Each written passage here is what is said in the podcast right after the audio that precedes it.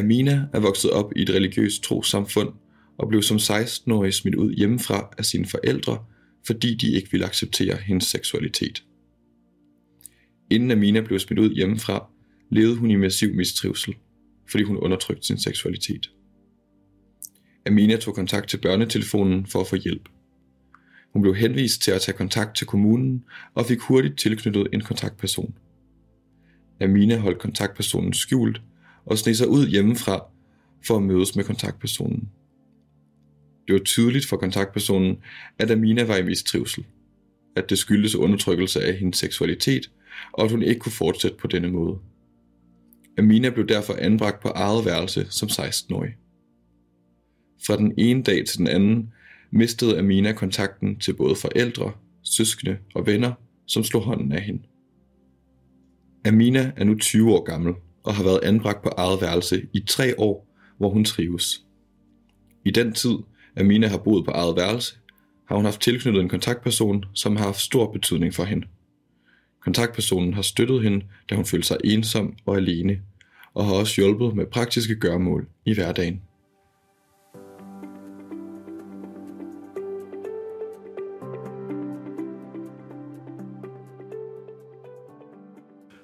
Børn og unge kan være anbragt på forskellige typer af anbringelsessteder. Det kan eksempelvis være opholdssteder, døgninstitutioner og plejefamilier, som vi tidligere har talt om i den her podcastserie.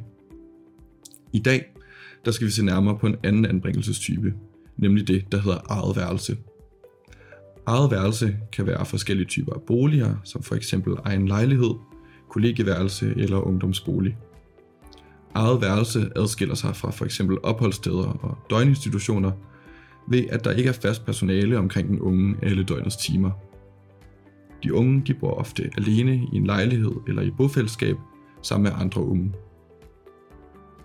Der er mange, der har været kritiske over for denne anbringelsestype, fordi det er en form for anbringelse, hvor den unge i højere grad end ved andre anbringelsestyper er overladt til sig selv. Men får de unge, der er anbragt på eget støtte ud over anbringelsen, og oplever de unge selv, at de får den hjælp, som de har brug for. Det vil I få svar på i denne podcast. Mit navn er Tobias Sønderby Jørgensen, og du lytter til Ankestyrelsens podcastserie Ankestyrelsen undersøger. I denne serie der sætter vi fokus på nogle af de undersøgelser, som Ankestyrelsen laver på velfærdsområdet.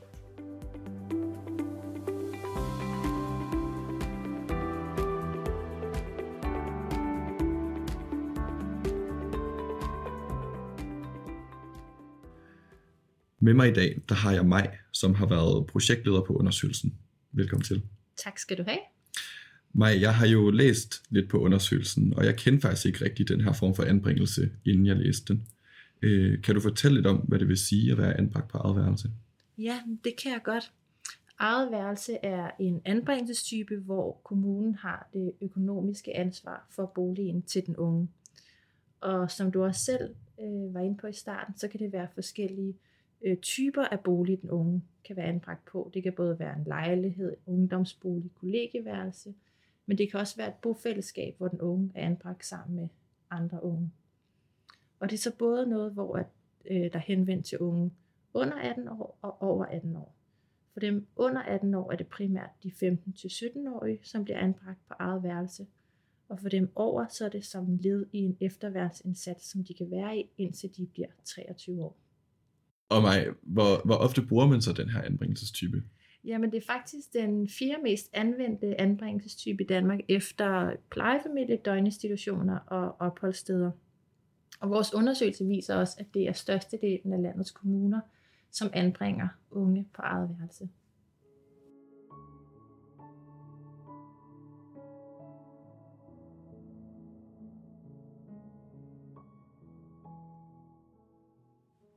Maj, kan du ikke fortælle lidt om, hvad det så er for nogle unge, der bliver anbragt på den her anbringelsestype?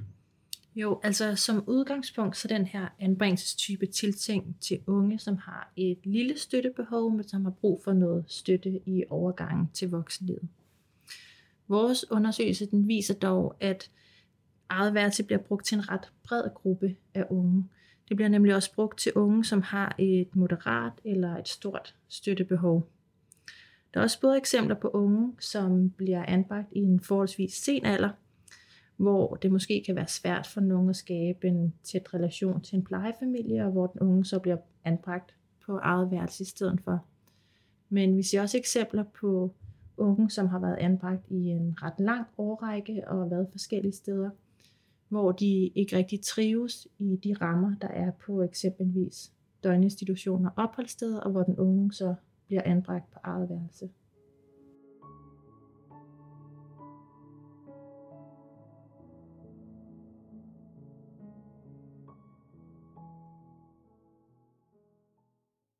Og hvad er det så, der gør, at, at eget værelse er godt for de her unge? Flere kommuner de fremhæver, at det blandt andet er de her frie rammer, de unge har, når de bor for sig selv. Mm. Og det er muligheden for selv at planlægge og styre sin egen hverdag, som både giver en kontrol til de her unge, men også giver sådan en ejerskabsfølelse over eget liv. Ja. Una, som er en af de unge, vi har talt med i den her undersøgelse, hun fortæller os, hvordan netop de her frie rammer har været med til at gøre, at hun har udviklet sig rigtig meget under hendes anbringelse på eget værelse. Og det står så i kontrast til tidligere, hvor hun har været anbragt på et opholdssted. Og nu skal vi faktisk øh, høre Unas fortælling, som netop er et eksempel på en pige, der ikke har trives i de her rammer på en institution.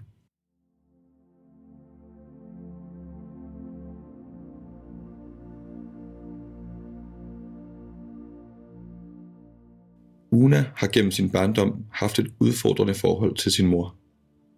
Una og hendes mor har flyttet fra by til by for at begrænse kontakten til kommunen.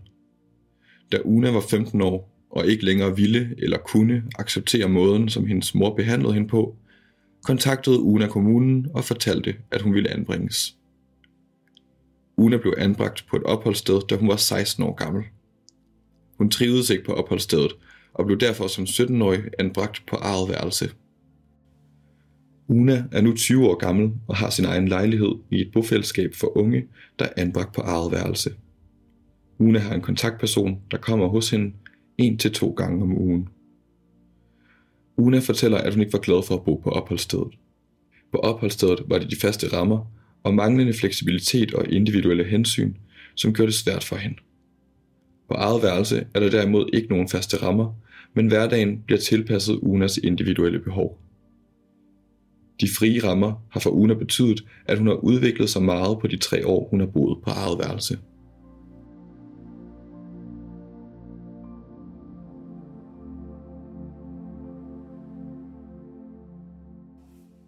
Unas fortælling giver så indblik i, hvordan anbringelsestypen eget værelse for en ung som Una øh, kan være et godt alternativ til en anbringelse på et opholdssted eller på en mm. døgninstitution. Ja. Øhm, men i Unas øh, fortælling, der fremgår det jo så også, at hun har en kontaktperson, som kommer en til to gange om ugen. Er det noget, der er typisk for de unge, der er på eget værelse? Jamen, det er det. Undersøgelsen den viser, at størstedelen af de unge, der er anbragt på eget værelse, får støtte ud over, at de er anbragt. Men vi kan også se, at der faktisk er sket et fald i andelen af unge over 18 år, der får støtte under anbringelsen. Okay. Vi lavede i Ankestyrelsen en lignende undersøgelse tilbage i 2011, og når vi sammenligner resultaterne fra den undersøgelse med den her undersøgelse, vi har lavet i dag, så kan vi se, at der er en ret stor forskel. I 2011 var det cirka hver tiende, der ikke fik noget støtte ud over. Mm. Og i den her undersøgelse kan vi se, at det faktisk er cirka hver tredje, der ikke får supplerende støtte. Så der må man sige, at der er sket en udvikling.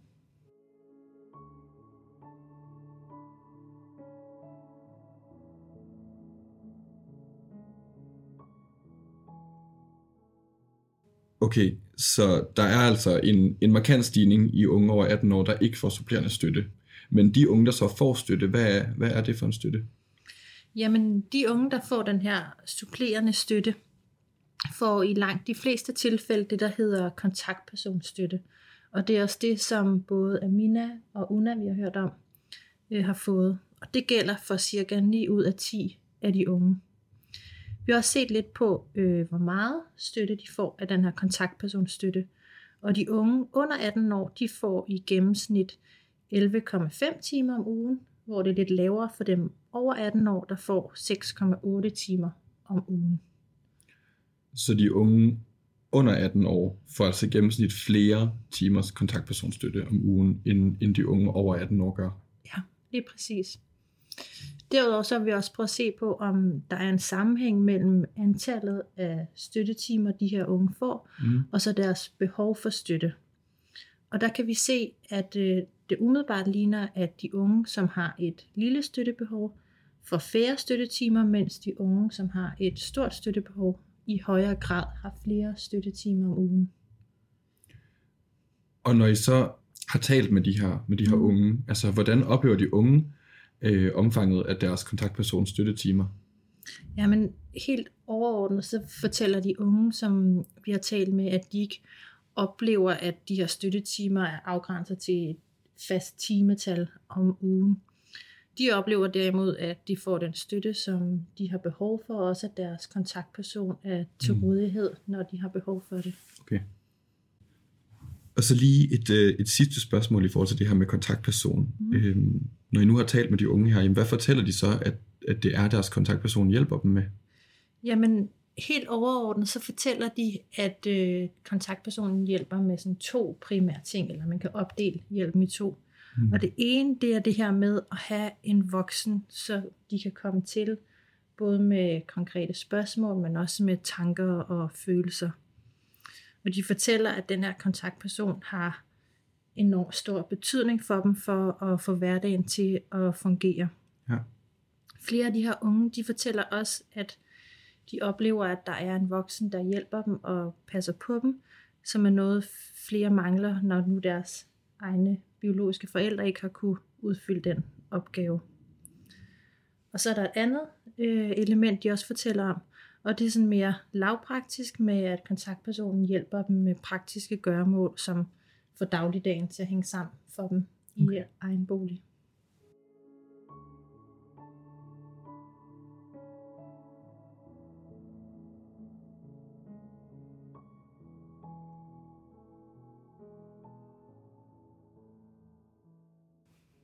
Maj, nu har vi jo så hørt nogle af alle pointerne fra jeres rapport mm. om, øh, om øh, anbringelsestypen eget værelse. Ja. Og hvis vi lige skal være lidt opsummerende her til sidst, og, og vende tilbage til, hvad det er for nogle hovedpointer, som lytteren skal tage med sig herfra, hvad er det så, du vil fremhæve? Jamen, overordnet synes jeg, man kan sige, at der er tre pointer, som jeg synes er vigtige for Mm. lytteren. Det første, det handler om, at eget værelse faktisk bliver brugt til en ret bred gruppe af unge. Altså det er både unge, som har et lille støttebehov, og unge, som har et stort støttebehov. Og det er også både unge, som er blevet anbragt i en forholdsvis sen alder, og unge, som har været anbragt i en lang årrække. Derudover, så synes jeg også, det er vigtigt, at den støtte, de unge får, det primært er kontaktpersonstøtte. Mm.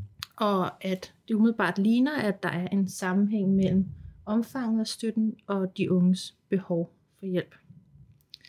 Og en sidste ting, som jeg også synes er fin at fremhæve, det er, at den her kontaktpersonstøtte har enormt stor betydning for de her unge mennesker. Og de unge oplever, at den her person er tilgængelig og til rådighed i det omfang, som de har brug for.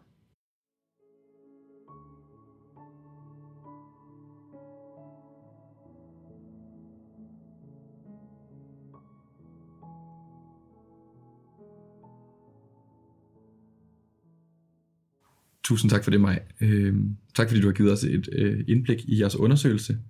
Og også tak til dig derude, fordi du har lyttet med i dag. Du kan læse hele rapporten for undersøgelsen på Ankestyrelsens hjemmeside ast.dk under publikationer. I den her rapport, der kan du også læse otte andre unges fortællinger, ligesom Unas og Aminas, som I har hørt i dag, øh, om at være anbragt på eget værelse. Og du kan også på vores hjemmeside finde flere podcasts i vores serie Ankestyrelsen undersøger, øh, som du også kan finde der, hvor du normalt finder dine podcasts.